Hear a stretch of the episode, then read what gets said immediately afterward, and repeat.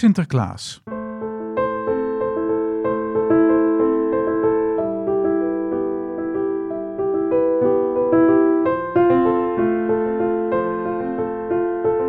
Uit de oorlogsverslagen van het klooster.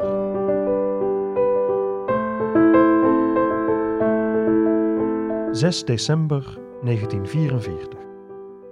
De Nederlandse staatspolitie, voor het merendeel NSB'ers, sommigen zelfs lid van de SD, menen als vrienden der mensheid voor de kinderen uit de omgeving van ons klooster een Sint-Nicolaasfeest te moeten organiseren. Dit geschiedde in de zangzaal, de eetzaal den staatspolitie. Tot onze spijt hadden ook katholieke ouders hun kinderen erheen gezonden.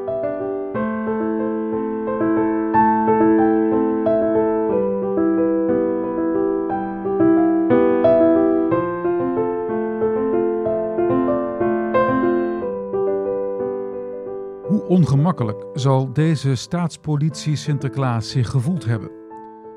De staatspolitie was de Nederlandse politiedienst in de Tweede Wereldoorlog. Zeker de leidinggevenden ervan waren vaak ook lid van de NSB en of de SS.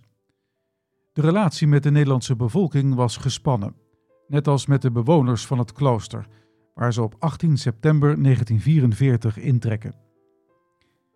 In totaal werkten er 57 mensen van de staatspolitie in het klooster. Vele van hen hebben landgenoten verraden of omgebracht. Met veel moeite lukte het de staatspolitie een Sinterklaasfeest te organiseren. Er kwamen veel kinderen uit de buurt voor een klein presentje en een goed bord stampot. Tegelijk zijn er verhalen over hoe leden van de staatspolitie muren bekladden met karikaturen van kloosterbewoners, feestjes vierden met drank en vrouwenbezoek en voedsel van de broeders stalen. Ze lieten het klooster zwaar vervuild achter toen ze op stel en sprong moesten vertrekken. Een van de paters nam het voor enkele leden van de staatspolitie op toen zij bij de bevrijding gearresteerd dreigden te worden door het verzet. Deze twee waren wel te vertrouwen, getuigde de pater. Diegene verantwoordelijk gemaakt voor de organisatie van het Sinterklaasfeest, kapitein Harbomee, is aldus de verslagen van de broeders lid van de NSB, maar toch ook fel anti-NSB'er. Goed of fout is in een oorlog niet zomaar te bepalen.